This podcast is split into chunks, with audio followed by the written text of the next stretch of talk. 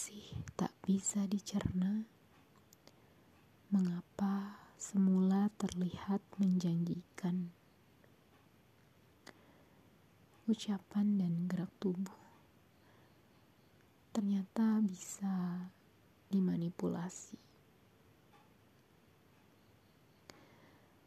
Merasa satu tujuan dan masa depan lebih mudah dikendalikan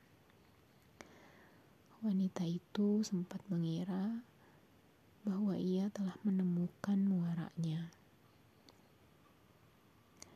Hingga suatu hari, kepercayaan yang telah dibangunnya bersama dihancurkan sepihak dengan sekejap mata. Hanya karena penasaran dan ego sesaat. Saat itu, si wanita hanya terdiam beberapa waktu, mendalami perasaannya yang saat itu tak bisa dikenalinya. Ia tak mampu mengekspresikan apa-apa, hingga ia menyimpulkan bahwa mungkin dirinya sudah bisa dengan mudah mengikhlaskan. Namun seiring berjalannya waktu, kejadian itu menyesakkan dadanya. Ia merasa sangat lemah.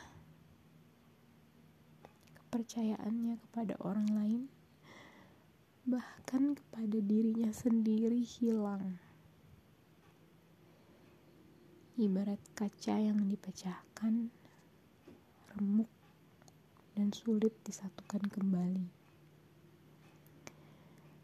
Karena kejadian itu, wanita itu takut melangkah,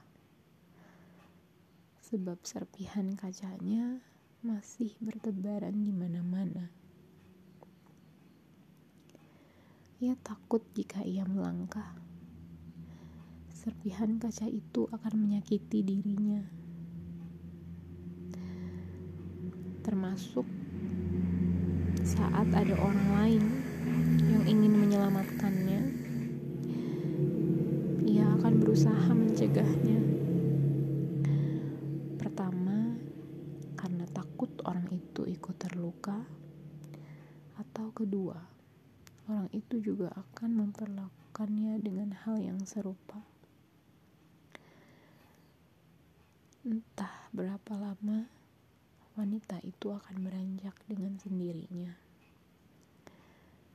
Sebab wanita yang telah kau hancurkan kepercayaannya tak akan lagi sama. Terakhir, wanita itu ingin meminta maaf karena atas ketidaksempurnaannya membuat wanita lain dipertaruhkan sebagai gantinya.